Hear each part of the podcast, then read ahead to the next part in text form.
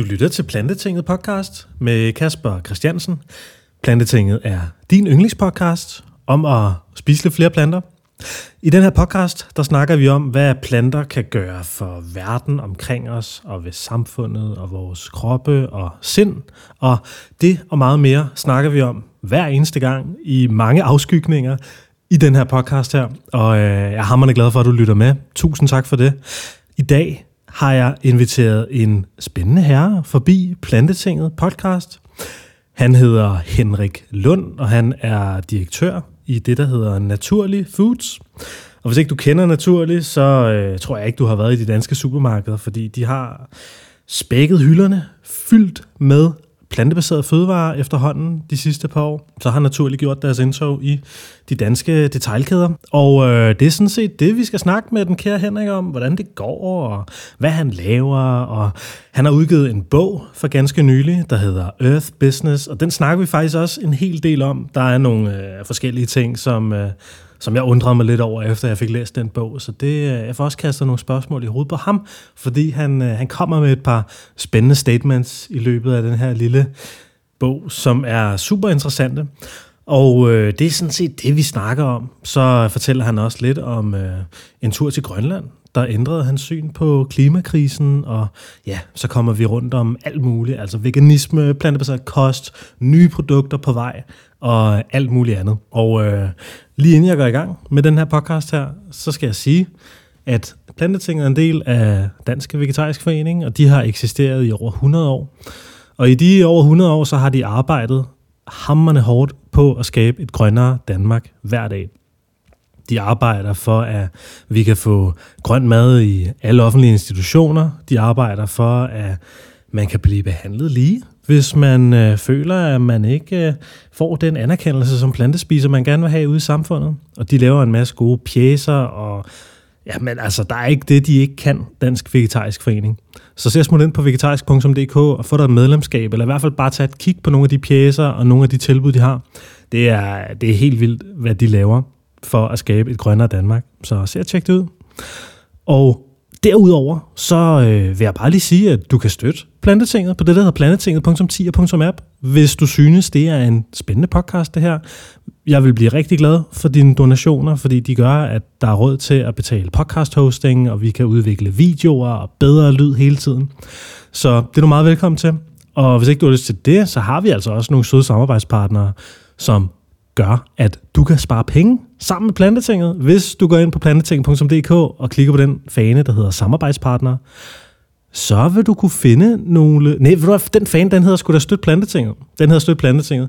Der kan du gå ind og finde en masse spændende virksomheder, der kan give dig nogle lækre tilbud på en masse lækre ting. Så ser smut derind. Jeg vil klippe videre til den samtale, jeg havde med den kære Henrik Lund.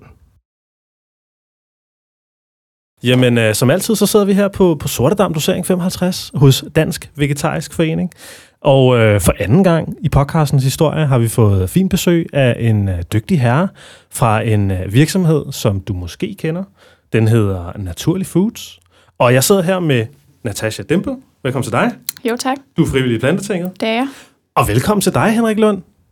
Tusind tak, Kasper. Og velkommen til. Plantetinget. Tusind tak. Jeg har glædet mig. Ja, Det har vi det også. har vi også. Det er hyggeligt. Og Henrik, øh, jeg tænkte på, som vi altid plejer at gøre, når vi starter den her podcast her, så kan vi godt tænke os lige at høre, hvem er dagens gæst? Hvem er du egentlig, Henrik? Jeg er jo øh, fynbo med stort F, bosiddende i det mørke Jylland. Og så er jeg simpelthen så heldig, at jeg øh, har fået lov til at lede, synes jeg selv, den sejeste virksomhed, som findes, ikke bare i Danmark, men i hele verden, som hedder Naturlig Foods. Vi producerer og sælger udelukkende 100% plantebaseret fødevare, øhm, og vi ønsker at forandre verden øh, til et grønnere sted. Øh, og som vi plejer at sige, det må gerne smage godt og spise verden grønnere.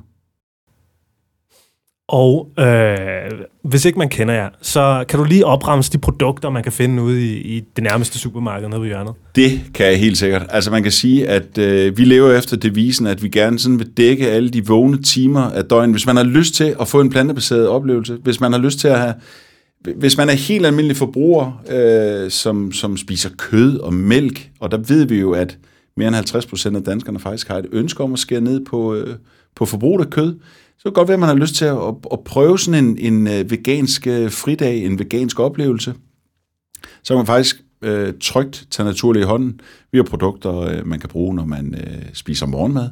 Vi har jo øh, de her øh, kendte drikke, som man kan bruge i stedet for mælk. Det er, det er havredrik, det er sojadrik, det er øh, mandeldrik og så videre. Og, og vi har faktisk lige lavet noget, man kan putte i kaffen, som er Naturlis Oat Barista. Det vildeste barista creamer, øh, som findes derude, hvis I spørger mig. Øh, og den er jo lavet på den her geniale måde, at den ikke skiller lige meget, hvor syreholdig kaffen er. Og man kan også bare drikke den øh, af et glas, altså det smager ligesom øh, sødmælk, i hvert fald sådan, som jeg lige husker sødmælk. Øhm, så, så vi har alle de produkter, man skal bruge i løbet af dagen. Vi har øh, plantepålæg, man kan putte på råbrødet. Øh, vi har snackingprodukter. Vi har selvfølgelig også øh, noget, man kan bruge i stedet for kød til at, at udfylde den del af tallerkenen. Øh, og det ligger ude i alle danske supermarkeds øh, køddiske faktisk nu. Så det er jo øh, produkter, som er baseret på, øh, på ærter. Øh, så, så det er nogle produkter, vi er ret stolte af, og som også nogle produkter, som kommer til at ske en øh, hel del med øh, lige i starten af, af næste år. Det, det kan være, at vi, vi måske lige kommer forbi det. Og så har vi jo det, som er blevet et, øh, et hit øh, på de danske sofaer, og det er selvfølgelig naturligvis øh, veganske is, produceret på øh, verdens fedeste veganske isfabrik, op ved Gelato Claus i, øh, i Thy. Øhm, og der kan jeg sige, øh, som lille teaser, at der kommer der også nogle øh, vilde produkter. Det er jo sådan, at vi havde en lille isfabrik, så voksede vi ud af den, så byggede vi en isfabrik, der var større. Og den gamle isfabrik har vi så lavet om til et bageri, så nu, øh, nu bærer vi selv vores inclusions, så øh, man kunne måske forestille dig, at der kom noget is med noget brownie og noget cookie dough. Så er alt sammen noget, vi selv har, øh, har kreeret i, øh, i bageriet, og bagefter puttet ned i isen. Sejt. Og det er jo plantebaseret is. øh, Vi har også glutenfri is. Det er baseret på vores kendte, naturlige, økologiske drikke. Enten på havredrik eller på risdrik. På risdrikken er det jo så den fordel, at det også er, er glutenfrit. Øh, Og nu laver vi jo også isvafler, og vi har, ja, vi, som altid har naturlige, øh, sindssyge øh, projekter i, øh, i øh, støbeskeen. Vi har taget øh, munden alt for fuld og kommer med en masse spændende øh, nyheder mm-hmm. øh, i det nye år. Og lige om lidt kommer vi jo med, med, med et vildt produkt, som er et øh, familiebær med øh, isalamang øh, fra Naturlig. Hold da kæft, mand. Hvor vi øh, har sørget for, at der også er lidt øh, family entertainment. Det er nærmest et kinderæg. Det vil sige, når I køber isalamang med 750 ml i øh, bæret, så er der en hel mandel i hvert bære, så man kan spille øh, lidt spil. Hvem får mandlen? Så husk at købe en mandelgave derude. Ej, hvor godt. Og Henrik, du har jo for nyligt udgivet en bog. Er det korrekt? Det er fuldstændig rigtigt. Hvornår kom den? Jamen, øh, den udkom jo for, øh, det er vel efterhånden øh, en måneds tid siden. Ja. Øh, et, et projekt, altså jeg har aldrig i min vildeste fantasi drømt om, at jeg skulle skrive en bog, men lige pludselig, så kunne jeg godt mærke, at der var et eller andet, øh, et lille frø, der spirede inden i mig, øh, med trangen til at komme ud med nogle holdninger, og selvfølgelig også fortællingen om, hvem øh, Naturlig er, og, og hvad det er, vi tror på i, i Naturlig. Øh, for der er rigtig, rigtig mange, som gerne vil være som os, og det er jo bare super fedt. Men der er også rigtig mange, som gerne vil være den, uden rigtig at være den. Øh, hos Naturlig tror vi jo på, at, at fremtiden er for dem, øh, som er den. Altså, vi lever jo naturligt. Øh, det er ikke bare sådan en 8-16 job. Det er ikke noget med, at vi øh, klokken halv fem kører hjem, og så smider en, øh, en ribeye på grillen. Øh, vi er den. Øh, og øh, og, og det, det er en, en stærk følelse, som øh, ja, jeg fik lyst til at, at putte ned i, i bogform, og så heldigvis kom jeg i kontakt med, med Maj Bachmann, øh, som, som er sådan rigtig dygtig til at sidde og lytte øh, på de der, øh, det ved jeg ikke, øh, en uges samtaler, øh, hvor jeg bare åbnede op og fortalte alt, hvad jeg følte, troede på øh, og, og havde af visioner. Øh, og så er hun sådan god til at, at få, det, få det lidt øh, skrevet ned i, øh, i bogform. Øh, Så det har vi gjort sammen. Så, så en stor applaus til hende. Uden mig var det, var det ikke lykkedes. Øh, Og hun er, hun er super, super sej. Hun har også skrevet øh, øh, Kick-Ass om, om Jesper Buch. Øh, Nå, okay. Ja. Øh, Så, så hun er, hun er en, øh, en, øh, en dame, som har styr på det her med at, at få det ned øh, på papir. Ja. Og vi har jo læst bogen til dagens anledning. Vi tænkte, vi måtte forberede os lidt nu, hvor du kommer forbi, Henrik. Ja. Og, jeg er spændt øh, på at høre, hvad I, Ja, hvad I synes. Jamen, det ved jeg ikke. Hvad, hvad er sådan din umiddelbare første tanke, Natasha? Nu er der, det er dig, der læste den først.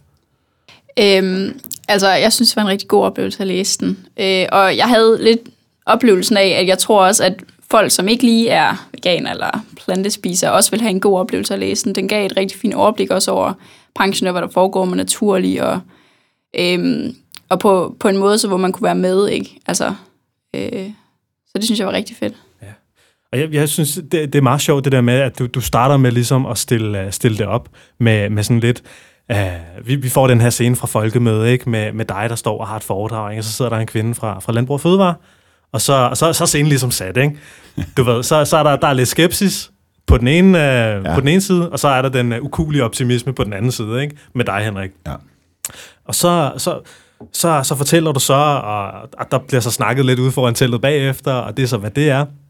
Men, øh, men, og det synes jeg faktisk er, er meget fedt, og så fortsætter du så med at fortælle, som noget af det første i bogen, det her med, at vi skal væk fra, at vi bruger ordet vegansk omkring de her produkter her.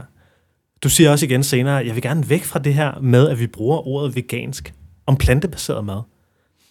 Du, du, siger, du nævner det få gange, men, ja. Ja. men du siger ikke rigtig, hvorfor.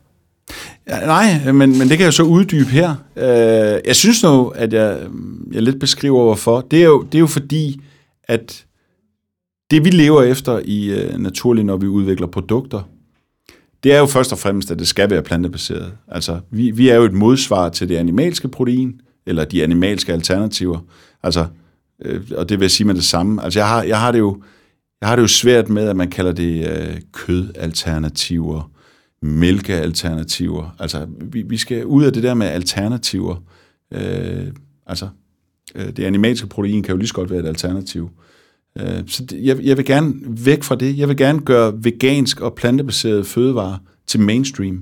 Jeg vil gerne gøre det til så meget mainstream, at mainstream-forbrugerne, de køber naturlige produkter, ikke fordi der står vegansk eller 100% plantebaseret, men fordi, at de synes, at de produkter smager rigtig, rigtig godt. Og dem vil de faktisk hellere købe, end de vil købe den der pakke hakket oksekød, som ligger nede i disken, eller det øh, CO2-neutrale øh, øh, værk, der står nede på mælkehylden, øh, hvor man så har købt aflad og, og fortæller en eller anden helt vanvittig historie. Det kan vi også komme tilbage til. Nå. Øh, så, så for mig, der bliver det veganske og det plantebaserede, det bliver sådan en hygiejnefaktor.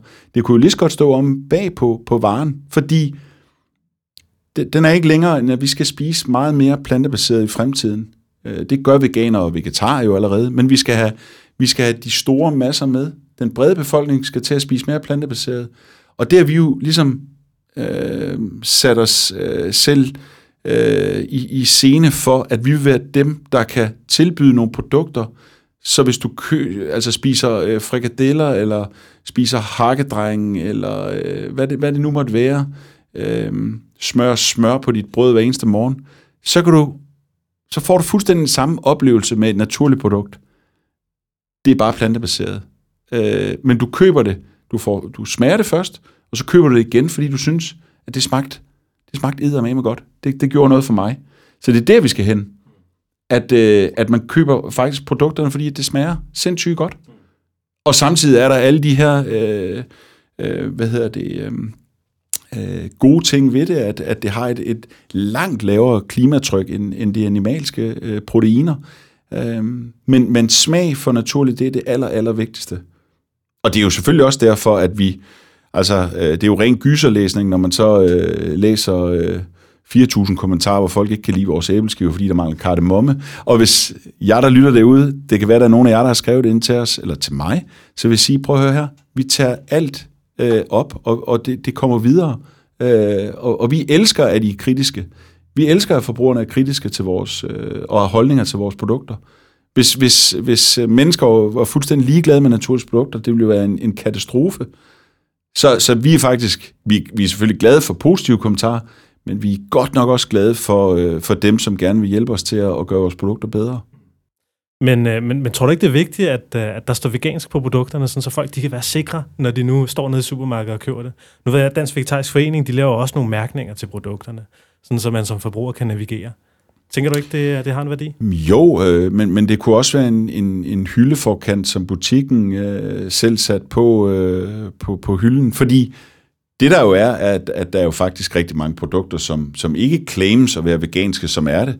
Øhm, og og øh, altså, der, der er det jo fedt, at, øh, at Frederikke, øh, Vegansk Univers, øh, altså hjælper øh, os alle sammen til, at hov, har I opdaget den her, venner? Det her produkt, det er faktisk også vegansk, det kan I sagtens spise. What? Den der kage, mand. Jeg er altid... Øh, jeg drømmer om en marcerintærte, altså nu kan, nu kan jeg få den. Øh, så jeg tror, det kan godt være, at de næste øh, 5-10 år, der skal der stå øh, vegansk eller plantebaseret, men på den længere bane, øh, der tror jeg, der kommer et advarselsmærke mod, at nu, nu køber du noget, som er, er i den helt røde ende af, af klimaskadende øh, fødevarer. Øh, og det kan vi så sætte på, på animalske fødevarer, som, som øh, gul ost og, øh, og hakket oksekød. Øhm, men, men, men folk skal købe naturlige produkter, fordi de synes, det smager pis godt. Altså, mm. det er... Var I ikke begyndt at smide klimamærkninger på jeres produkter? Jo. Ja. Øhm, og det, det er jo en kæmpe opgave. Øh, fordi det kræver, det kræver jo øh, tilbundsgående dokumentation. Men det er, det er også det, der gør det spændende, fordi det er så validt. Øh, og vi har jo valgt at gøre det med en ekstern partner, som er, er Carbon Cloud, som ligger i Sverige. Øh, vores udfordring lige nu er, at, øh, at vi måske øh, er lidt ned på, øh, på manpower. Øh, vi har brug for en, som dedikeret kan sidde og arbejde med alle vores produkter omkring øh, og, og skaffe alt det data, der skal til for at, at lave det her øh, LCA-arbejde, øh, altså lave øh, livscyklusanalyse på alle vores produkter. Men vi har det jo på smørbar, vi har det på vores økologiske øh, 990 ml drikke, øh, og vi har det også på, øh, på nogle af de produkter, der ligger nede i køddisken. Mm. Men vi skal have det på alle produkterne. Ja. ja. Øh, hvordan, hvor, hvordan er vi det, han? Jamen det, det arbejde er vi i gang med. Men jeg tænker også sådan men, på tværs af hele fødevaresektoren. Ja, men, men øh, jeg, jeg var til noget, et, altså, jeg, jeg var jo så heldig at være inviteret som taler til øh, Retail Institutes konference i sidste uge i København, hvor, hvor hele den samlede dagligvarehandel, altså Selling Group, Coop, Nemlig.com, øh, Dagrofa, øh, de var der alle sammen. Øh, og der var det jo, det var, det var så fedt at høre øh, Michael Løve, øh, som er, er the big boss for, for Netto, og gør et fantastisk arbejde med, med Netto, øh, som jo også har et, et, øh, et spirende udvalg af øh, veganske produkter. Øhm, og det er jo kun med til at gøre interessen for, for alt det, vi laver naturligt øh, større, så, så tak for det. Øh, men, men det, øh, han egentlig øh, sagde anerkendende, det var, at, at han går jo også ind for en klimamærkning. Hvis man kan finde en fælles fodslag blandt supermarkedskæderne i Danmark, jamen så, så skal vi have lavet en, en mærkningsordning, så at man faktisk skal gå på, på klimaindkøb øh, som forbruger. Øh, og jeg vil jo gerne tage den videre, hvis, nu, hvis vi havde hvis vi havde øh, carbon footprint på alle fødevarer i Danmark, altså så kunne du jo se det på din øh, kvittering op ved kassen. Øh, for det første, mange penge du har brugt, men også meget CO2 du har købt. Um, det ville være med bad, hvis vi kunne komme derhen. Ja. Det var ret fantastisk. Ja. Men, øhm, men, men altså, det er et kæmpe arbejde. Vi var øh, mm. first mover i Danmark med det med, med naturligt, og man kan sige, lige nu giver det ikke så meget mening, øh, at vi beskriver meget, hvor mange kilo CO2, at smørbar indeholder per kilo produkt fordi du har ikke noget at sammenligne med. Øhm, det man selvfølgelig kan, det er, at, at nu kan man jo, har jeg set, at, at øh, der er sådan en stor mejerikoncern, som har lagt en masse øhm, øh, data ud omkring øh, nogle af deres produkter. Øh, de er så, det, det er nok noget, de har glemt, men nogle af dem, der, der er mest tunge på, på klimaregnskabet, har de så øh, undladt at nævne inde på deres hjemmeside, men, men det er nok en forglemmelse. Men, øh, så, så man kan stille og roligt begynde at, at sammenligne lidt, hvis man øh, interesserer sig for det. Så det, øh, det, det er ret fedt. Ja. Jamen, det er virkelig, øh, jeg tror virkelig, der kommer til at ske, og håber virkelig, der kommer til at ske nogle, nogle kvantespring, ikke? at der sidder nogle fødevareproducenter, ja. som også kan kigge lidt ind af, måske. Men, men, men jeg vil sige lige omkring det der med, hvor, hvorfor at, det ikke er nødvendigt at skrive vegansk på produkterne. Altså, når, når vi, og vi håber en gang i, i fremtiden får lov til det igen, komme på forbrugermesser, så er det jo den oplevelse, vi har. Når, når helt almindelige mennesker smager vores øh, is eller smørbar, så tror de jo faktisk ikke på, at det er sandt, at det er øh, mælkefri produkter. At der ikke er fløde i isen, øh, at der ikke er brugt... Øh, altså, at det ikke er helt almindelig smør. Jeg tror, at der faktisk er mange forbrugere, som, som bare køber øh, økologisk naturlig smørbar, fordi de synes, det, det smager fuldstændig fantastisk, øh, har en god pris, øh, og, og, og det står jo på hylden ved siden af, af de produkter, som de i forvejen kender. Og det er jo den, altså det er i virkeligheden den største øh, ændring, der er sket. Øh, en virkelig game changer, det er jo, at det er faktisk, at Selling Group, øh, meget, meget modig øh, retailer, valgte at putte øh, det her produkt, øh, plantefars, ned i køddisken øh, 2. januar 2018. For det ændrede bare noget. Det her med, at, at veganske produkter ikke længere skulle være i en nichekøler nede i et hjørne af butikken, men at de nu får, de her produkter får lov til at leve i de kategorier, hvor de hører hjemme, så at vores drikke findes på køl ved siden af mælken. Smørbar står på, øh, på køl ved siden af, af Bakkedal og Lurpak og hvad de ellers alle sammen hedder. Øh, det, det er bare enormt vigtigt. Øh, og det for os er det virkelig i virkeligheden det, det, øh, det største kvantespring, vi har gjort for at gøre plantebaserede øh, produkter og veganske produkter mainstream. Fedt. Vigtigt.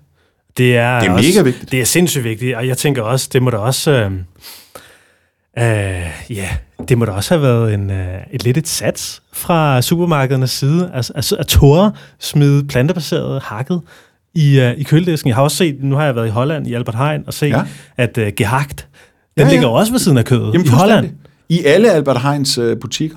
Og, og, og det synes og, jeg bare er fedt, at, at det ikke kun er i Danmark, vi gør det, men vi, de faktisk også gør det i de andre Men, men faktisk kan vi jo øh, sige, at øh, det, at Føtex Bilka og, og Føtex smed det ned i køddisken, det, det, øh, det skabte jo en tendens, så at Albert Heijn puttede det ned i køddisken, Woolworths, Coles i Australien puttede det ned i køddisken, Sainsbury's i, i England puttede det ned i køddisken. Så, så det at være first mover, det, det er bare enormt vigtigt, og der er jo pæve stolt af, at det var naturlige produkter, der skabte øh, banet vejen ned i den, den hellige gral, øh, og at, at der var en, en, en modig supermarkedskæde som, som Selling Group, som så muligheder i det her. Og, og jeg, det, det, det, der så er så fedt, det er jo, at hvorfor gjorde de det? De gjorde det selvfølgelig, fordi at øh, de synes rigtig godt om produktet, men det er jo også fordi, at de så de strømninger, der var. Altså, der er jo øh, en adfærdsændring blandt helt almindelige øh, mennesker i Danmark om at spise mere grønt. Øh, og, og jeg er jo helt med på den der øh, rejse med, at, at øh, hvis du har god tid, så kan du jo lave produkterne ud af, af linser og bønner og ærter, og der findes nogle super øh, gode øh, bøger om, øh, omkring det. Øh, altså, vi er jo en, en convenience-løsning for dem, som måske ikke har så meget tid, eller ikke ønsker at bruge så meget tid i køkkenet. Jamen, der kan man jo så trygt øh, vælge øh, fra øh, naturlig kataloget. Øh, Øhm, for, for det, altså jeg vil sige, vi er jo, vi er jo sådan den gode indgang til at opleve det plantebaserede univers, øh, fordi når man så først får smag øh, for det, det kender jeg i hvert fald selv, så bliver man også nysgerrig på, hvad, hvad fanden kan jeg egentlig lave ud af alt det, der findes nede i grøntsagsafdelingen? Øh, og det, det er jo, altså, det er en ny madkultur. Jeg tror, det er en ny madkultur, og hele den traditionelle fødevareindustri, de er godt klar over, altså alarmklokkerne ringer jo for fuld kraft øh, hos Arla og Danish Crown og alle de andre store, at øh, der er noget i gang her, som, som ikke, de ikke kan ændre, øh, og som aldrig øh, bliver, som det var før. Øh, så, så der er bare nogle strømninger, der gør, at øh, vi, vi kigger ind i et helt andet øh, fødevareudvalg, øh, hvis vi kigger 5-10 år øh, frem. Og der vil vi gerne være i naturlig være first mover. Altså, ja, vi har jo ikke knækket det der med, øh, med, med ost og æg endnu, men altså, vi arbejder benhårdt på det, og, og det kommer selvfølgelig først i, i markedet, når, øh, når, når det er nogle produkter, som, øh, som fuldstændig kan stå på mål, altså virke en til en i forhold til, til de konventionelle produkter. Mm. Så man plejer at sige, altså det, man skal jo ikke give afkald på noget, fordi man vælger at have en, en vegansk oplevelsesdag. Altså, det skal være sådan, at man, man faktisk synes, kæft for smagte det bare godt, og kæft for har jeg bare en lethed i kroppen, og kæft for har jeg bare meget energi. Øh, jeg løber sgu en tur.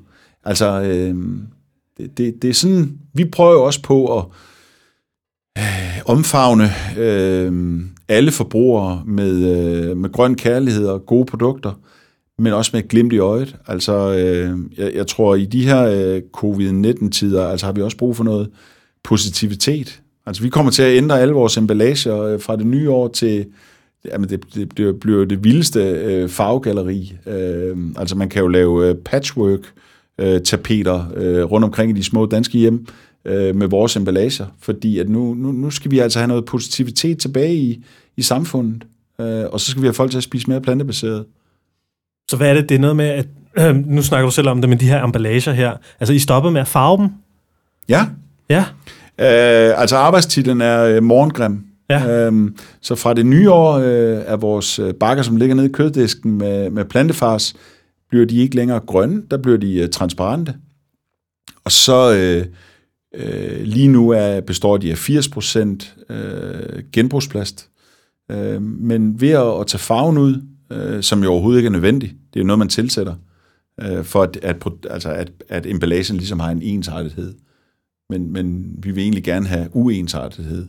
Så vi går i transparente folier, og så kan vi nemlig komme op på 95% øh, genanvendt plast.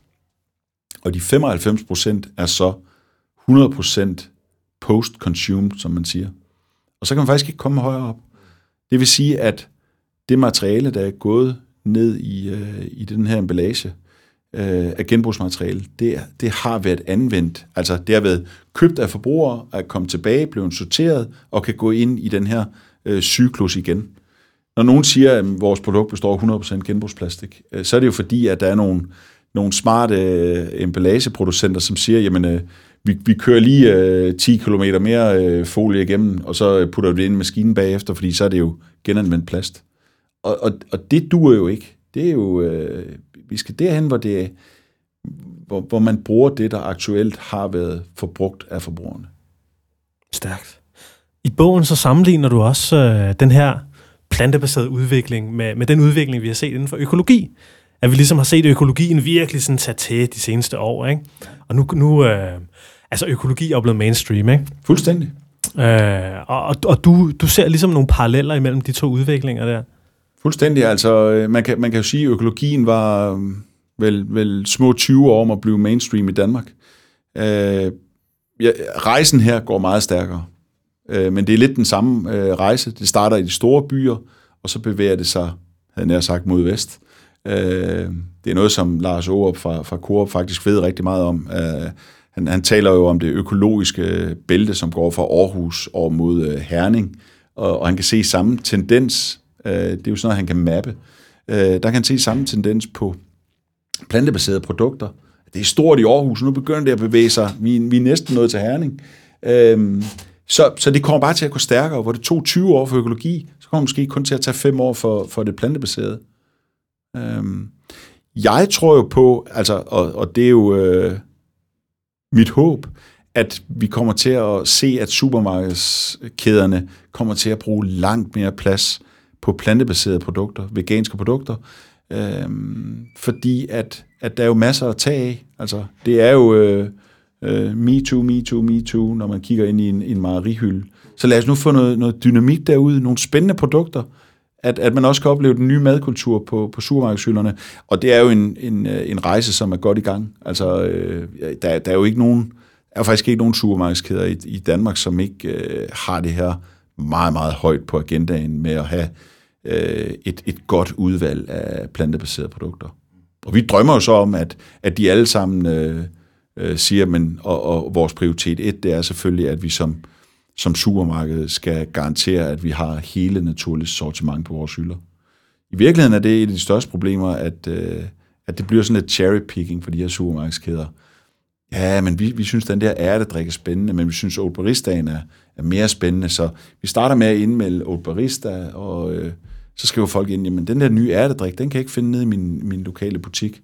Øhm, så det får vi enormt mange spørgsmål på, hvor kan man finde jeres produkter, og der prøver vi jo på at, at guide og henvise dem til de, øh, til de supermarkeder, hvor vi ved, øh, at der er et stort naturligt udvalg. Øhm, så det er en opfordring, hvis der sidder nogle øh, store supermarkedskæder derude og lytter med, så ring, ring heller i dag end i morgen, og øh, så skal jeg nok hjælpe mig med at få det fulde sortiment for naturligt. Øh, så lover jeg til gengæld, at I får øh, vækst og velstand øh, til jeres kæde. Ej, det er stærkt, Henrik. Øh, nu tænker jeg på mange af de forbrugere her, der går ud og køber naturlige produkter. Ikke? Øh, I hvert fald mange af veganerne og dem, der ligesom er lidt mere bevidste om, hvordan man skal spise. De går også rigtig meget op i økologi, som vi snakkede om før. Men, men alle jeres produkter er jo ikke økologiske. Nej. Er det, er det et sted, I er ved at bevæge jer hen, eller hvordan er jeres holdning til det? Nej, øh, man kan jo sige, at, øh, at, at indtil 2. januar 2018, der var alle vores produkter økologiske. Øh, og så valgte vi så med plantefarsen, fordi vi ikke kunne lave den økologisk, det kan vi faktisk stadigvæk ikke, øh, har svært ved det, øh, så valgte vi faktisk at sige, jamen, vi laver et konventionelt produkt, øh, fordi ved at lave det konventionelt, så kan vi også øh, give det en, en pris ude i butikken, eller vi kan i hvert fald vejlede en pris, som er fuldstændig lige det, den konventionelle vare koster. Og det er jo det, som, som alle skriger på, øh, det er, jamen, hvorfor skal naturlig plantedrik koste 20 kroner? Jamen, det gør den på normal pris, men hvis du ser over et helt år, så koster den faktisk kun 15 kroner, fordi de er jo på tilbud hele tiden. Øh, men vi vil jo også gerne derhen, hvor at, vi skulle faktisk gerne derhen, hvor at, hvis man kigger ned i en køddisk, at produkterne, altså de, de grønne proteiner, faktisk er billigere end kødet. Altså, fordi så, så kommer der til at ske øh, underværker. Det kan jeg godt øh, fortælle jer. Fordi hvis der er nogen, der er prisfeste, så er det altså danske forbrugere. Øh, så så vi, vi lærte jo der, at, øh, at der er jo faktisk rigtig mange, som bare efterspørger velsmagende plantebaserede produkter, og så er økologien i virkeligheden ikke så vigtigt. Men økologien er jo vigtigt øh, på den fremadrettede bane, og vi undersøger altid, når vi udvikler eller får nye idéer, om vi kan lave produktet økologisk. Øhm, så så det, det er jo den der rejse. Men, men som andre medlemmer af plantebranchen, som du jo også kender, øh, Christian øh, øh, Christensen fra, fra Dryg, altså det her med, at øh, der, der findes noget lovgivning, som gør, at når vi nu gerne vil, vil tilsætte vitaminer til vores havredrik, så, så må vi ikke længere claim det økologisk. Øhm, og, og det er jo sådan lidt mærkeligt, fordi vi jo egentlig gør det i, i folkesundhedens tegn. Øh, Øh, tænker, jamen alle snakker om, at hvis du kun øh, spiser plantebaseret, øh, så kommer du til at mangle B12, og, og det bliver helt forfærdeligt. Jamen så lad os da putte lidt øh, B12-vitamin i produkterne, D-vitamin, noget calcium, så at, øh, at man får alt det gode, men man kan få det fra en, et plantebaseret produkt. Øh, og, og det er jo i virkeligheden et af de steder, hvor, hvor vi skal have gjort op med, med noget af den der fødevarelovgivning, der er. Altså, øh, det, det er jo mygram, der bliver puttet i, øh, tilsat af, af vitaminer i sådan et produkt, plantebaserede øh, vitaminkilder. Øh, hvorfor kan man ikke få lov til at claim det økologisk? Altså, det er jo øh, lidt mærkværdigt. Men hvad tænker du, Natasha? Fordi når du går ned i supermarkedet og køber ind, mm. hvor vigtigt er økologi så for dig, når du vælger de plantebaserede fødevarer? Øhm, altså, jeg er nok et, et sted i mit liv lige nu, hvor jeg er på SU, så, så økologi, det vil jeg helst købe, men, men hvis der er meget stor forskel på prisen, så, så vælger jeg den konventionelle mulighed. Øhm, og lige præcis når det kommer til naturlige produkter, så tror jeg også, at jeg er et sted, hvor jeg vil foretrække rent faktisk råd til at købe dem, øhm, og købe dem lidt oftere. Øh, men altså, jeg vil sige, på sigt, så håber jeg da, at, at der kommer mere og mere økologi ind, og at vi ligesom også kommer ind et sted, hvor at, at det godt kan betale sig for os alle sammen at købe det. Øh, at, det ikke vil være, at der ikke vil være 20 kroners forskel på produkter, fordi de er økologiske, men måske bare et par kroner. Ene, Natasha, og prøv at høre, du, du rammer det jo fuldstændig på, på sømmen, at der, der er jo også bare, altså, øh, at, at det er også noget at gøre med, hvis man er studerende, altså så har man ikke råd til at, at, øh, at bruge en kæmpemæssig del af ens rådighedsbeløb til øh, kun at købe økologisk, men det skulle gerne være sådan, at man kan købe et godt mix af det, Øh, jeg er helt enig med dig, at øh, på den fremadrettede bane, der, der, jeg, jeg drømmer jo om, at alle vores produkter er økologiske, og det er også en rejse. Altså nu øh, for eksempel øh, lancerede vi i år jo alle de her øh, fantastiske frostprodukter. Øh, og øh, der kan jeg da godt afsløre, at der kommer nu et økologisk produkt øh, i det nye år, i den serie. Så, så det er jo sådan, vi, vi starter et sted, men rejsen ender aldrig. Altså, øh, naturlig er, er rejsen hen imod, øh, jamen, jamen du, du kan ikke se, hvor endestationen er, for den, den er meget, meget langt væk. Og det er, det er sådan en, en rejse, hvor vi hele tiden udvikler, forbedrer produkterne, meget med basis i, hvad alle de, øh, alle det feedback, vi får fra, fra øh, de mange følgere, vi har.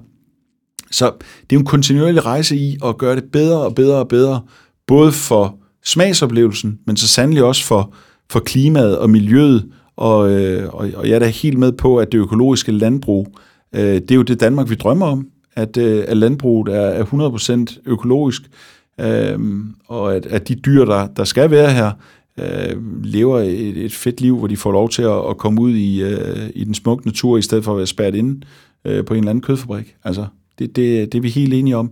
Men, men det er klart, at der er også noget kommercielt. Hvis vi skal gøre plantebaseret stort, så er prisen bare vigtigt. Altså, pris er bare vigtigt for danske forbrugere, øh, og, og det er vi nødt til at have med ind i, i ligningen her, at hvis man vil have helt almindelige forbrugere, som ikke køber plantebaseret i dag, måske har lyst til at, øh, at prøve øh, kræfter med det, så får vi dem ikke til at købe ind på veganske fødevarer, hvis det koster det dobbelte af det, de er vant til at købe. Så, så pris er bare enormt vigtigt. Og jeg synes jo, at, at vi er kommet et langt stykke af vejen. Øh, vi har jo naturlige drikke øh, ude på hylden nu i, i vores tetrabrikker, som koster 15 kroner til normal pris. Øh, øh, vi, vi har øh, de her produkter ligger nede i kødboksen og i fryseren, altså, øh, som, som jo også er prissat øh, som noget af det laveste, der ligger i, øh, i markedet. Altså, øh, vi har samme pris som hakket oksekød, og jeg kan love jer, når vi rammer øh, øh, anden, anden uge i januar, så kommer der til at ske noget helt vildt ned i den der kødboks. Det er sådan en mindre øh, øh, revolution, øh, naturlig revolution, øh, version 2.0. Øh, og det, det bliver fandme ned med vildt. Øh, fordi så tror jeg altså nok, at vi skal få en masse flere danskere med på den der øh, fantastiske oplevelsesrejse ind i det veganske univers. Mm, mm, det tror jeg, du har fuldstændig ret i. Vi øh, har et andet kapitel i din bog. Mm. Så jeg, jeg har skrevet en masse citater hernede for din bog, Henrik. Det er, det, det er sådan, jeg ligesom har arbejdet. Og jeg synes, det er ret uh, mega spændende, at du skriver det her med, at uh, efter I kom med plantefarsen tilbage i 2018, så er der kommet en masse konkurrenter ind på markedet. Men, uh, men så skriver du også, at uh, du, du savner måske at se sådan en rigtig innovation. Altså, du synes, der er mange gode idéer og mange fede ting derude, men du, du mangler lidt af det innovative derude. Hvad, ja. hvad mener du, når du siger det? Jamen, jamen jeg mangler jo nogen. Altså, jeg, jeg, jeg vil da tro, at hvis man skulle ind i det her marked, der kommer rigtig mange, som, øh, som nu gerne vil, vil sælge plantedrikke og, og øh, jo øh, udpeger dem som, som det, øh, det 8. Øh, vidunder i verden. Øh, og, og det er, er fyldt med, ja, med alle mulige svære ord, beta-glukaner og alle mulige ting, og alt muligt andet, alt andet, der står på, øh, på, på hylden, det er noget forfærdeligt noget. Altså, jeg vil gerne lige øh, en forbrugeroplysning, og vi skal nok øh, komme med, med det på emballagen også, men altså, vores naturlige havredrikke indeholder jo øh, masser af beta-glukaner, og jeg tror faktisk, man bliver overrasket over, når man ser, hvad niveauet er i en naturlig drik versus alt det andet, der står ude på hylderne. Men, men for eksempel, så kan vi sige, det her æg, som jeg savner i weekenden, Scrambled Vegan Eggs, øh, og hvis I synes, det er et fedt navn, Vegan Eggs, så kan jeg sige, at jeg har øh, taget øh, patent på ordet, for jeg synes, det er mega sejt vegan, og så et stort X. Øh, uh, scramble eggs, bare plant-based. Uh, hvorfor findes det produkt ikke? Altså, hvorfor er der ikke nogen innovative fødevarevirksomheder, som har, uh, har havde nær sagt, knækket uh, den, uh, den uh, innovation? Fordi det er jo bare et produkt, vi mangler. Sådan en gang uh, flydende vegan eggs, meget gerne for naturligt, der kan stå op på, på, uh, på hylden ved siden af, de, uh, ved, ved siden af æggene øh, øh, som man bare kan gå hjem og, og fyre ud på sin pande, og så får man det vildeste æggeoplevelse, bare plantebaseret. Mm. Øhm, det, det savner jeg. Så, så det er selvfølgelig noget, vi er i gang med at udvikle. Øh, og øh, venlig øh, forbrugerinformation kan sige, nej, det er ikke på kikærter, det er på noget helt andet. Øh, men, men det, er jo, øh, det er jo bare sådan et eksempel. Øh, en god ost, en god ost, som smager af noget, som ikke øh, øh, har samme tekstur som, øh, som pap, Øhm, altså, det, det mangler vi også. Øhm, ja, ja, altså, det, det, det, jeg, jeg synes, jeg, jeg synes, at, at naturlig er first mover, og det, det lyder jo sådan lidt øh, selvhøjtidligt, når det nu kommer fra, fra min mund, men, men det mener jeg faktisk. Vi prøver at forandre verden, øh, og vi er, altså vi samarbejder jo med universiteter og øh, nogle af altså, multinationale selskaber som Carlsberg på at lave øh, plantebaserede, øh, revolutionerende innovationer. Opdage nye bakteriekulturer, som er plantebaserede, som man kan bruge til at lave verdens mest cremede Jokert, fik I den derude. Øhm, så altså, jeg, jeg mangler, øh, der, der mangler jeg noget innovationsdrivkraft, fordi at det er jo det, der skal være med til at forandre det, vi spiser og drikker. Det er jo det der, øh, at, at, det, øh, at man bare tænker, det smager ikke bare alene lige så godt, som det, jeg plejer at spise, øh, som består af animalsk protein, det smager faktisk bedre. det er der, vi skal hen. Øh, så, så der håber jeg selvfølgelig, at, at vi ser en, en masse innovation i fremtiden. Altså vi arbejder, øh, havde nær sagt døgnet rundt, altså vores øh, øh professor ud i øh, det øh, planteproteiner og det plantebaserede øh, univers, Jan Lund, håber du lytter med det ud. Øh, han arbejder jo nærmest øh, 24-7 på at, at skabe de her innovationer. Fordi vi også er så utålmodige på at dække hele fladen. I virkeligheden findes der ikke rigtig, der findes faktisk ikke særlig mange virksomheder som naturligt, øh, hvis man kigger sådan ud i, øh, i det der store, dejlige grønne hav af øh, virksomheder, som producerer plantebaserede fødevarer. Øh, vi er jo sådan lidt specielle, fordi at vi, hvor, vores syn er sådan et, at vi går på tværs af kategorier, cross-category. Øhm, I USA, der falder de på røven, når man taler med en supermarkedskæde, hvor de, hvor de tænker, jamen, altså, vi har Beyond Meat. Øh, de, de laver altså kun noget, som kan ligge nede i køddisken. Øh, I har det der Oatly op i Sverige. De laver kun noget, som kan være inde i mejerihylden. Nu, nu kommer I uh, naturally, og, og I har bare hele paletten. Det er jo fuldstændig vanvittigt. Uh, det er jo one-stop shopping. Ja, det er det faktisk. Men, men det er jo også uh, at, at tage munden fuld, fordi det er med kompliceret og skal uh, og, og have et, et, en, en strategi, hvor vi, eller ikke engang en strategi, en vision om, at vi vil producere de varer, som ligger i alle store kategorier i et supermarked. Du skal ikke gå ind i en butik, uden at du kan finde et naturligt produkt, hvor du får en, en fed oplevelse. Om du er i øh, afdeling for æg, ost, mælk, øh, rejer, øh, kød, øh, ekstra rinlys, men, men ellers, altså det, det man kan spise, det er jo rejsen derhen, øh, og det er jo enormt kompliceret at ville være noget i alle de der kategorier. Så der kommer ikke en naturlig shampoo lige for forløbet? Nej, det gør der ikke. Satans. du er ved at sige noget, Natasha? Ja, jamen jeg tænker bare på, at jeg er enig i, at der ikke findes et alternativ til ost æg endnu, som er spot on. Det gør der ikke. Men, men jeg synes også, at der er rigtig, rigtig mange virksomheder, som prøver at gøre noget. Jeg synes, at der er rigtig mange spændende produkter, som, som ikke er det samme, men som stadigvæk smager godt, og som i hvert fald kan gøre det lige nu for en erstatning for, for dem, altså i hvert fald for mig selv, da jeg skulle skifte, der var det rart, at jeg stadigvæk kunne gå ned og købe en vegansk ost og spise pizza sammen med min familie, selvom det ikke var det samme. Øhm, så altså, jeg er mega stor fan af naturlige produkter, men jeg synes også, at der er, der er nogen derude, der arbejder på det, hvor det også er godt. Og jeg glæder mig meget til, at naturligt kommer med de her alternativer også. Men hvad tænker du, du sådan mangler? Er der, er der, noget, er der nogle produkter, du sådan mangler i din hverdag? Øhm, Eller som du måske savner lidt? Ja, altså jeg tror faktisk, at æg er en af de store. Øh, altså den fylder meget på morgenmadsbordet, hvis man skal til brunch og sådan nogle ting, ikke? Så den, er, den, den, kan godt, den kan godt være tricky, fordi der ikke rigtig er et alternativ nu. Øhm, og så er det meget det der med, at det skal være sådan convenient, ikke?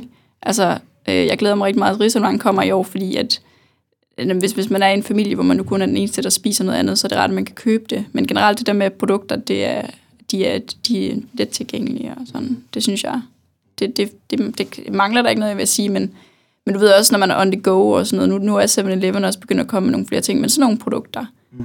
at det skal være nemt, være nemt i en fart. Ja. Mm.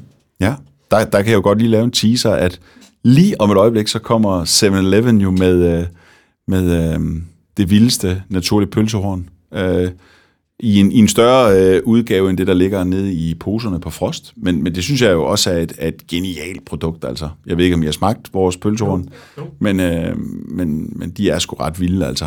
Øh, men det kommer vi også med i, i 7-Eleven. Øh, så, så vi ser jo også, at, at convenience-produkter, veganske convenience-produkter, propper mere og mere op øh, i, øh, i convenience-sektoren, som 7-Eleven og, og andre steder.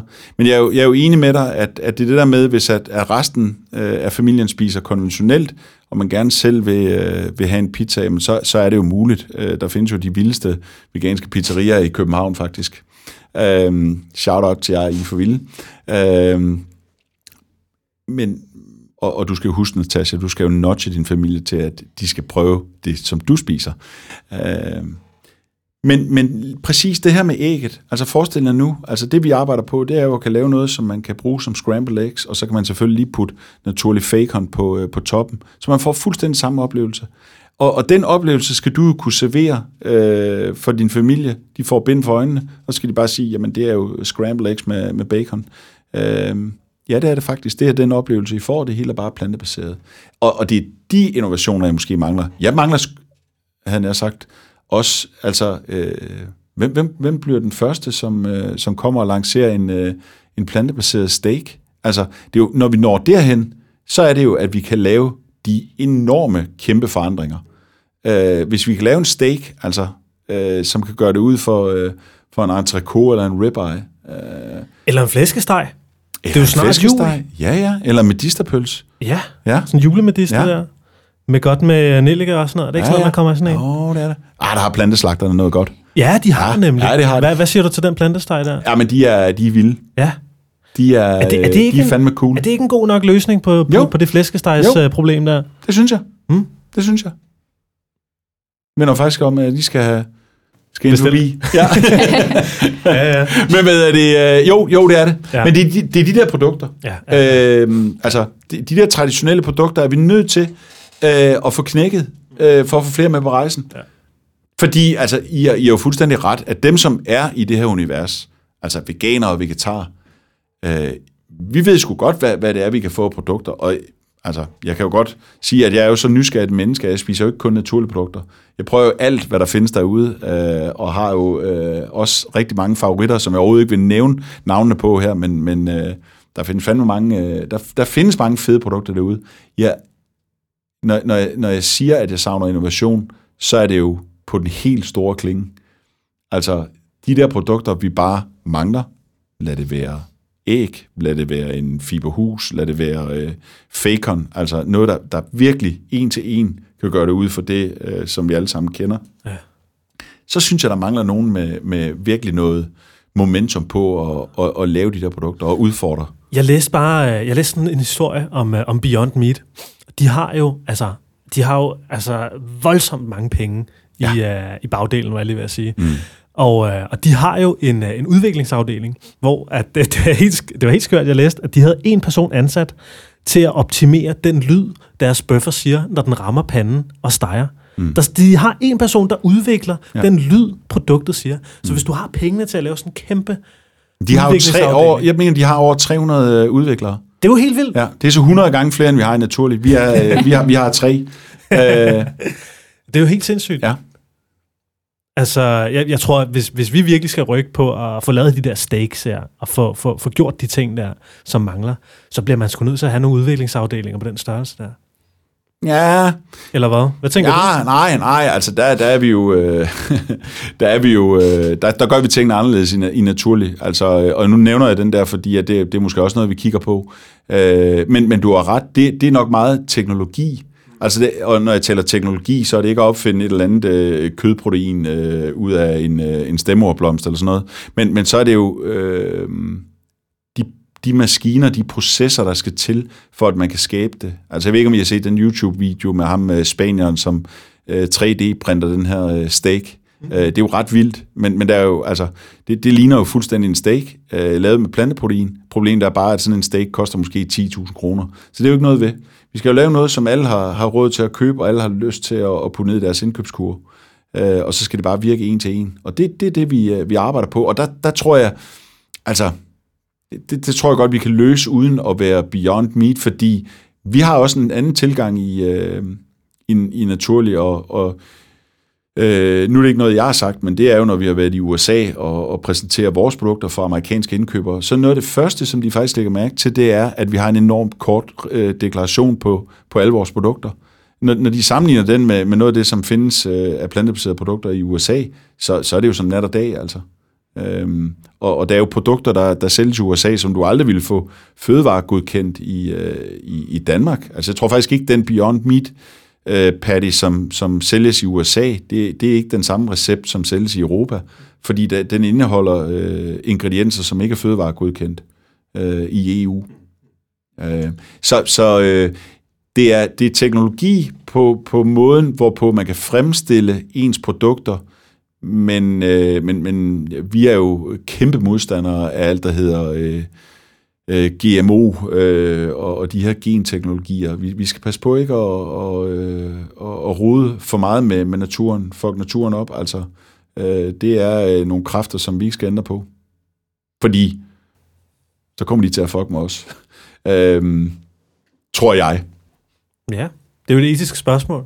Ja, men det, men, men det er det, men, men jeg, jeg, jeg kunne godt tænke mig at spørge jer, altså har I ikke reflekteret over øh, corona? Øh, jeg, jeg kan ikke lade med at tænke på, at, at, øh, at øh, og det er selvfølgelig også, fordi jeg har set den her enormt smukke dokumentar, som, øh, øh, hvad hedder han, øh, Sir øh, David Attenborough øh, har lavet, øh, at, at hvis vi presser fra øh, naturen for meget, altså så, så, så kommer den til at, og, øh, at presse tilbage. Øh, og, og det er nogle kræfter, som, øh, som er enormt store. Altså det, det, som han jo siger i hans dokumentar, det er, at naturen har egentlig altid overlevet øh, op igennem øh, jordens historie. Altså, øh, der er sket alle mulige forfærdelige ting, men, men naturen øh, har fundet sin måde at, at, at komme igennem alt det på. Så, så tænker I over det i forhold til for eksempel covid-19? Altså, jo, helt sikkert. Men man kan Fordi, sige... ja, hvordan opstår en pandemi? Ja. Altså? Ja, yeah. jo, altså, nu ser vi jo en, øh, altså det er, jo, det er jo bare min første indskydelse, nu ser vi en, en, en mink, en minkproduktion, en dansk minkproduktion i afvikling, øh, hvor man ligesom har nogle øh, store risici, man løber nogle, øh, nogle sundhedsmæssige risici for ligesom at optimere en produktion, og øh, det er da problematisk, og jeg tror da også, at der sidder helt sikkert nogen i nogle andre fødevareerhverv, og, øh, og kigger lidt ængstligt til, hvad der er sket i den minkbranche lige nu. Øh, jeg tror helt sikkert også, altså uden at det skal blive øh, super højdragende og super filosofisk omkring, hvorfor vi er her, og, og hvad naturen kan og dens kræfter, så, øh, så tror jeg da helt sikkert også, at, øh, at, at vi nok i noget tid øh, er, er begyndt ligesom at, altså den her tayloristiske optimering af vores uh, produktionsapparat, at vi er ved at optimere i sådan en grad, at, at det begynder at blive uh, halvperverst, uh, tror jeg vil være det bedste ord for det. Så jo, det tror jeg, du har ret i, Henrik. Mm. Det, jeg synes, det er et godt spørgsmål, og det synes jeg også er, det synes jeg alle dem, der sidder i, uh, i sådan nogle uh, optimeringsfødevareafdelinger og benytter sig af sådan nogle ting. Altså, hvornår optimerer man nok? Er der en grænse for, hvor meget man kan optimere uh, på den her kapacitet og på de her produktionsanlæg og på, på det her med at stemple så mange dyr sammen på et sted, Jamen, for præcis, eksempel? Ikke? Præcis. Jeg, jeg er fuldstændig enig, Kasper. Nu så jeg i fjernsyn går aftes øh, faktisk i nyhederne, en øh, reportage op fra Ilulissat øh, på, øh, på Grønland, altså Diskobugten. Øh, og det, det er faktisk et sted, jeg selv har besøgt øh, tilbage i tiden, da jeg solgte koldvandsrejer. Det har jeg gjort for mange år siden. Var det Royal Greenland? Royal Greenland, Ja. lige præcis. Um, og der var jeg så heldig at øh, være på besøg oppe i Diskobugten, hvor, øh, hvor, hvor fiskerne øh, i meget, meget små både øh, øh, fangede fisk. Altså det, det var, var meget, meget... Øh, det, det er jo en lille, lille båd med, med en fisker ombord, der sejler ud øh, og fanger fisk, eller rejer, eller hvad det nu er. Øh, men, men at se den her øh, isbræ, altså hvordan at, at, at isen på Grønland smelter, det er jo fuldstændig vanvittigt, at man nu 20 km inde på øh, Grønlands, øh, altså på, på, øh, på fastlandet, øh, kan se øh, store søer af, af smeltevand. Øh, det er jo helt vildt. Øh, så, så altså, der, jeg, jeg synes jo, når man ser sådan noget, så bliver man, øh, så, så, man, så bliver man straks klar over, at, at, at der- der skal gøres noget nu.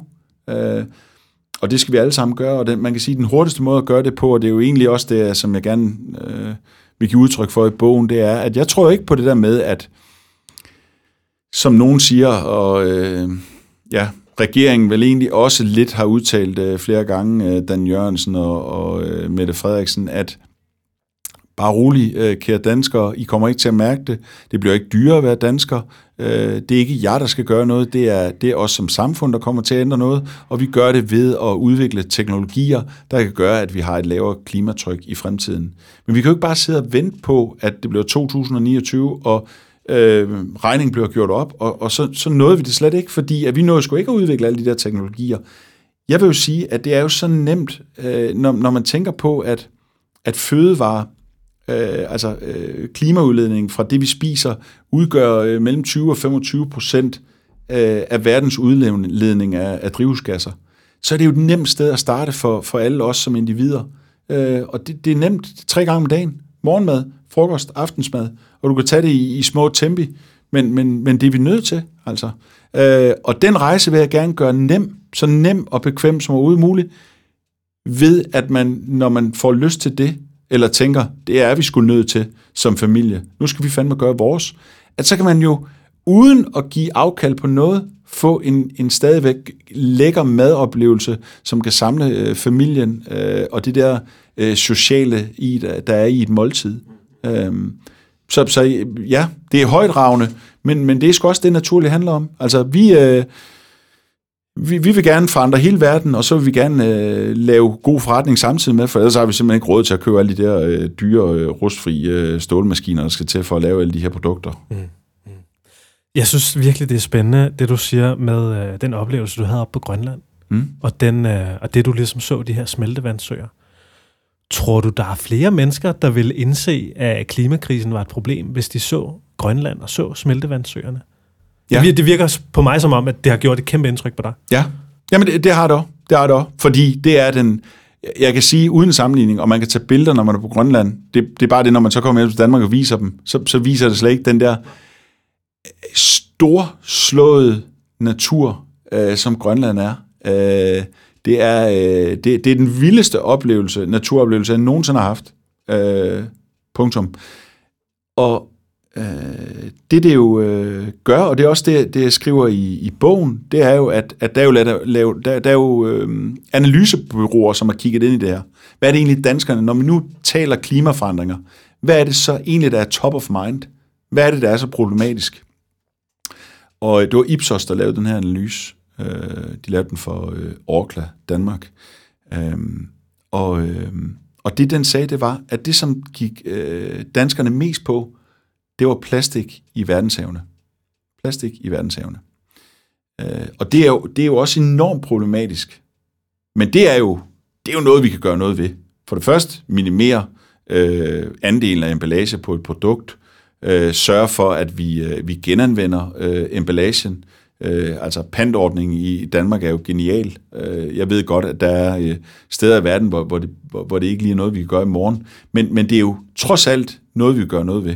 Øh, for det første, så kan vi jo øh, ændre vaner, øh, og, og gøre det meget, meget dyrt øh, at forurene øh, og smide affald i, i havene eller i naturen. Altså, man, man taler tit øh, dårligt om USA, øh, og sikkert også af, af gode grunde, men, men noget at lade mærke til, da vi var på, øh, på messe i USA, det er, når man kører på, øh, på highwayen i USA, så, så står der jo skilte, at hvis du smider affald her, så får du en, en øh, bøde på 1000 dollars.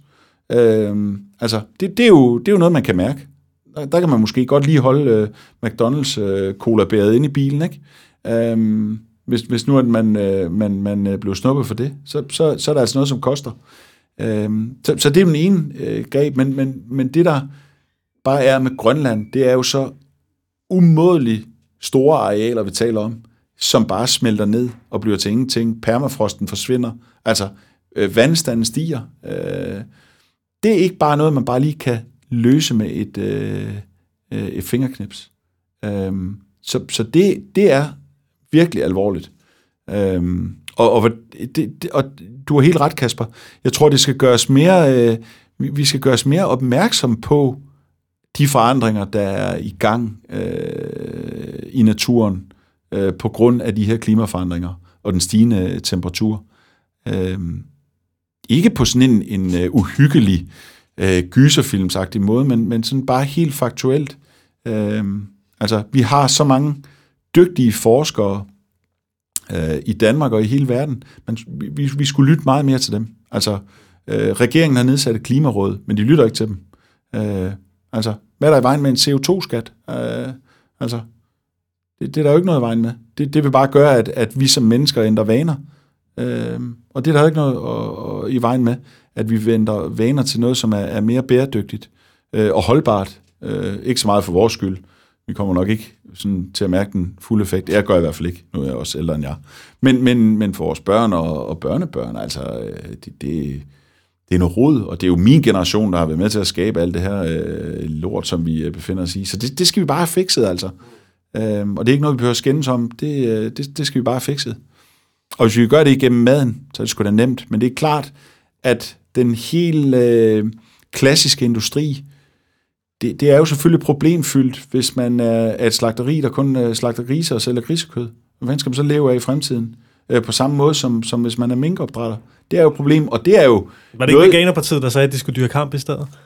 Nå, jeg kom til at nævne i går, at øh, det ville måske være øh, godt til øh, vertical farming. Ja, det ville det også. Ja, ja, ja, eller øh, shelters, øh, hvor, hvor man, Ja. ja. sociale shelters, hvor man kommer hinanden ved. Altså, altså først øh, en, en ret stor rengøring, men, men, altså, man, men det er jo faktisk, vi er jo nødt til, det er jo det, er jo det, det skal man jo hjælpe hele den industri til at finde en ny øh, forretningsstrategi. Altså, 100 procent. Enig.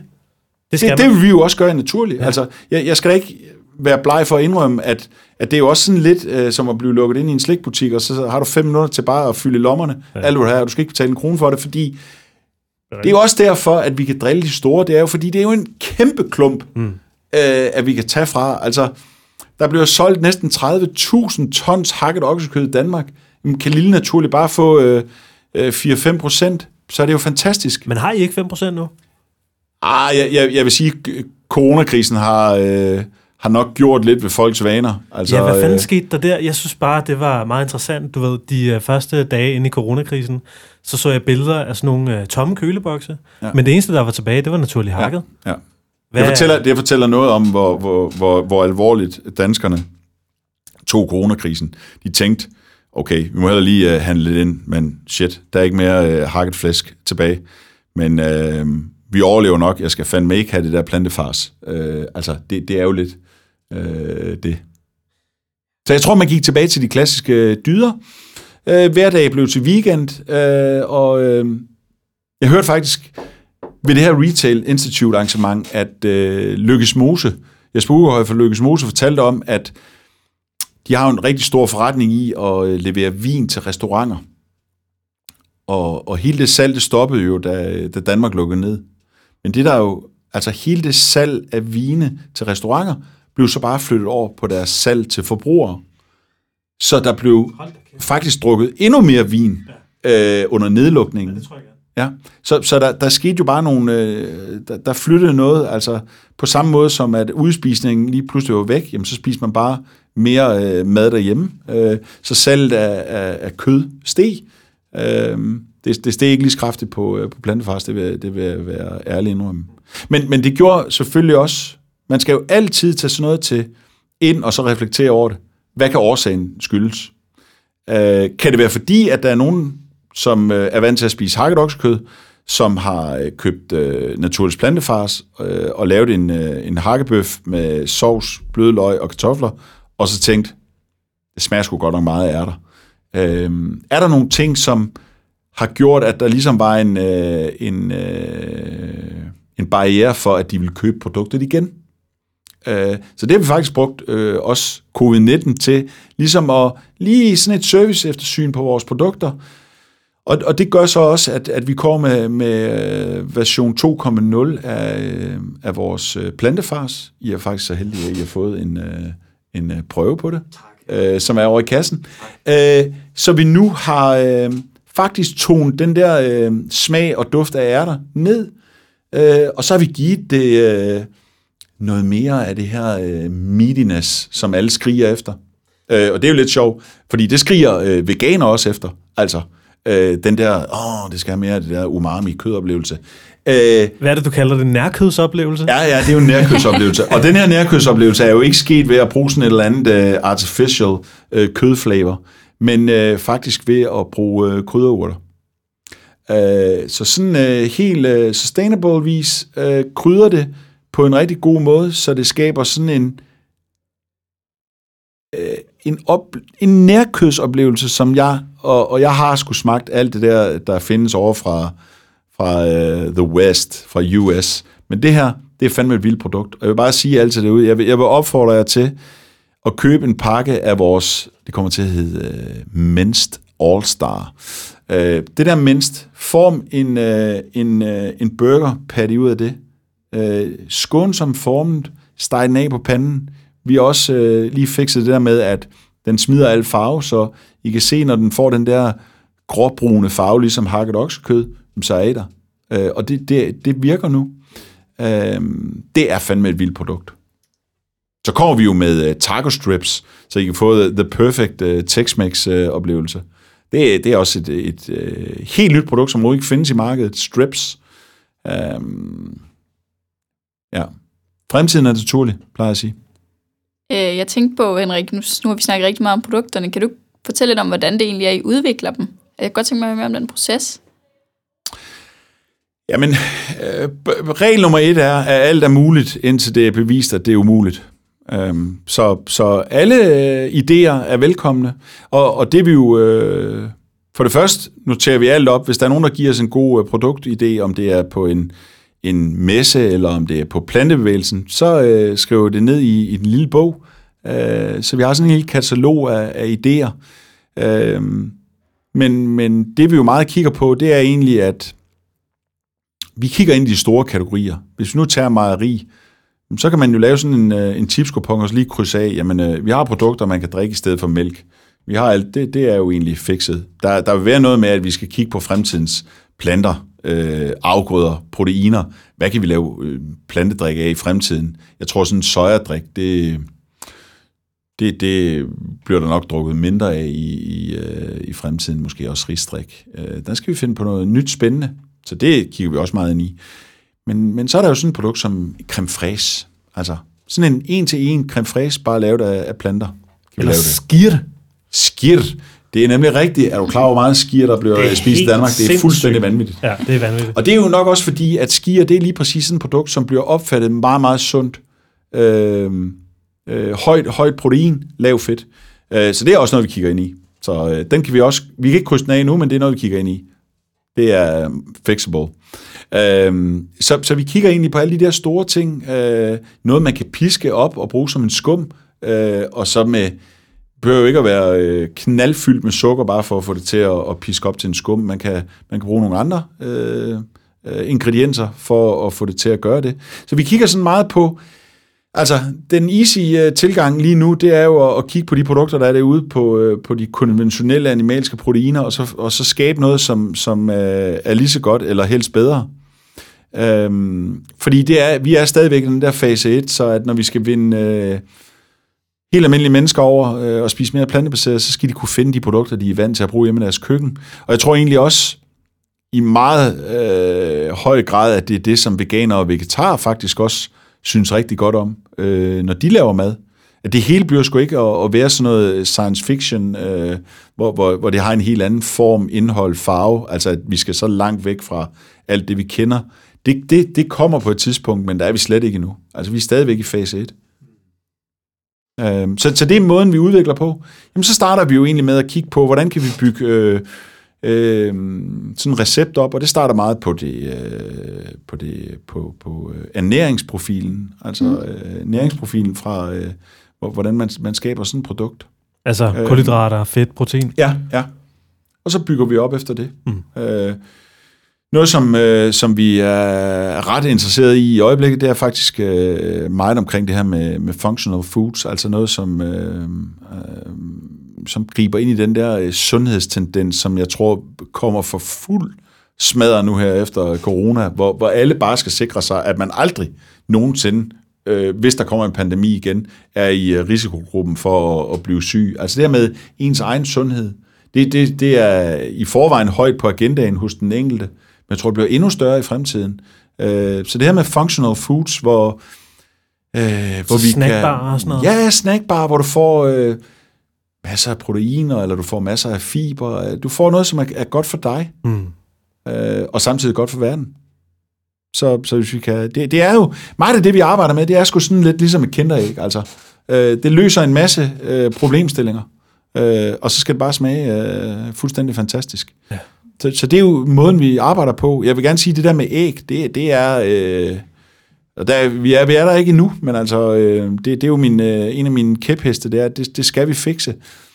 Øh, og vi er på vej derhen, men vi er stadigvæk ikke tilfredse. Altså, vi er jo fandme også blevet sådan, øh, efter de der ommerskål og koldskål, og øh, at, at vi, øh, vi tester, tester, tester, tester, før vi øh, lægger produkterne ud i, øh, i disken.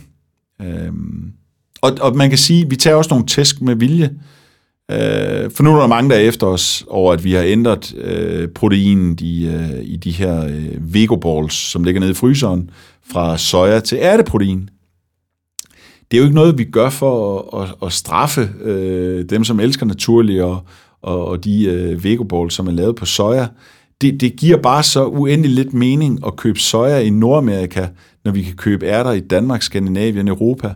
Altså, så, så altså, da, man, man, vi, vi springer ikke over, hvor, hvor gæret er lavest, og, og det der med at, at måle klimatrykket på en vare, hvor meget CO2 det indeholder, det bliver bare en ny KPI for hele tiden også at kunne komme længere ned. Jamen, hvordan kan vi så komme ned under 2 kilo mm-hmm. øh, på, på det her produkt? Øh, så så det, det er ikke noget, vi kommer til at holde op med at gøre. Vi, øh, vi tror på, at der findes rigtig, rigtig mange fantastiske afgrøder, som vi kan bruge til at lave øh, naturlige produkter af i øh, meget, meget tættere øh, på, på vores øh, fabrikker i Jylland, øh, end, at, end at skulle hente det i, i Nordamerika. Altså øh, bælfrugter, øh, det findes jo lige uden for, for vinduet, han har sagt. Øh, ærter, hestebønder, havre. Altså, det, det øh, anser jeg for at være Nordens søjer, de der tre ting. Ja, øhm, og det skal, vi være, det, det skal vi bare bruge meget, meget mere af. Øhm, og der, altså, vi samarbejder med andre danske virksomheder, for eksempel øh, Nakskov Mill nede på, øh, på Lolland, øh, som jo øh, producerer vores øh, naturlige øh, ærteprotein, som vi har kaldt PIF, PIF øh, 68, som er verdens stærkeste teksturerede ærteprotein, øh, og som vi kun bruger i alle vores produkter, der ligger nede i køddisken. Vi sælger det også til andre fødevareindustrier, øh, sågar øh, nogen inden for kødbranchen. Og det er jo også vores lille måde at lave grøn omstilling på, at lave en lille grøn revolution ind i den der øh, helt satte, klassiske øh, industri, der er derude. Mm. Henrik og Natasha, vi skal snart til at runde dagens podcast af. Men, øh, men det var sindssygt spændende at høre øh, dine betragtninger og alt det nye, I er ved at have på vej, Henrik. Det er virkelig lækkert. Øh, jeg glæder mig sindssygt meget til at se både de nye emballager og teste nogle nye produkter af. Især den der isalamang der, det tror jeg bliver et hit i løbet af vintermånederne. Men øh, sidder I og brænder inde med et eller andet? Hvad med dig, Natasha? Er der noget, du sidder og tænker, du mangler svar på? Nej, jeg glæder mig bare rigtig meget til de her nye produkter, der er på vej. og der er faktisk mange flere nye produkter, end dem jeg lige nævnt. Øhm, og så håber jeg jo på, at, at vi knækker ægget øh, i løbet af, af, af kort tid. Ja. Måske en dag i 2021, hvem ja. ved. Øhm, nej, så, så håber jeg bare, at jeg, der lytter med derude, at, øh, er I klar over den der øh, brede palette af, af naturlige produkter, som rækker ind i, i rigtig, rigtig mange kategorier i supermarkedet. Øh, og I skal også vide, at, at vi værdsætter alle jeres kommentarer, både øh, de sure og de søde. Øh, og I skal blive ved med at, øh, at gøre det, I gør. Øh, og, og skrive til os, øh, tage fat i os, om det er mig personligt på Messenger eller Instagram, eller det er plantebevægelsen, så skal I blive ved med det, fordi vi elsker at I gør det.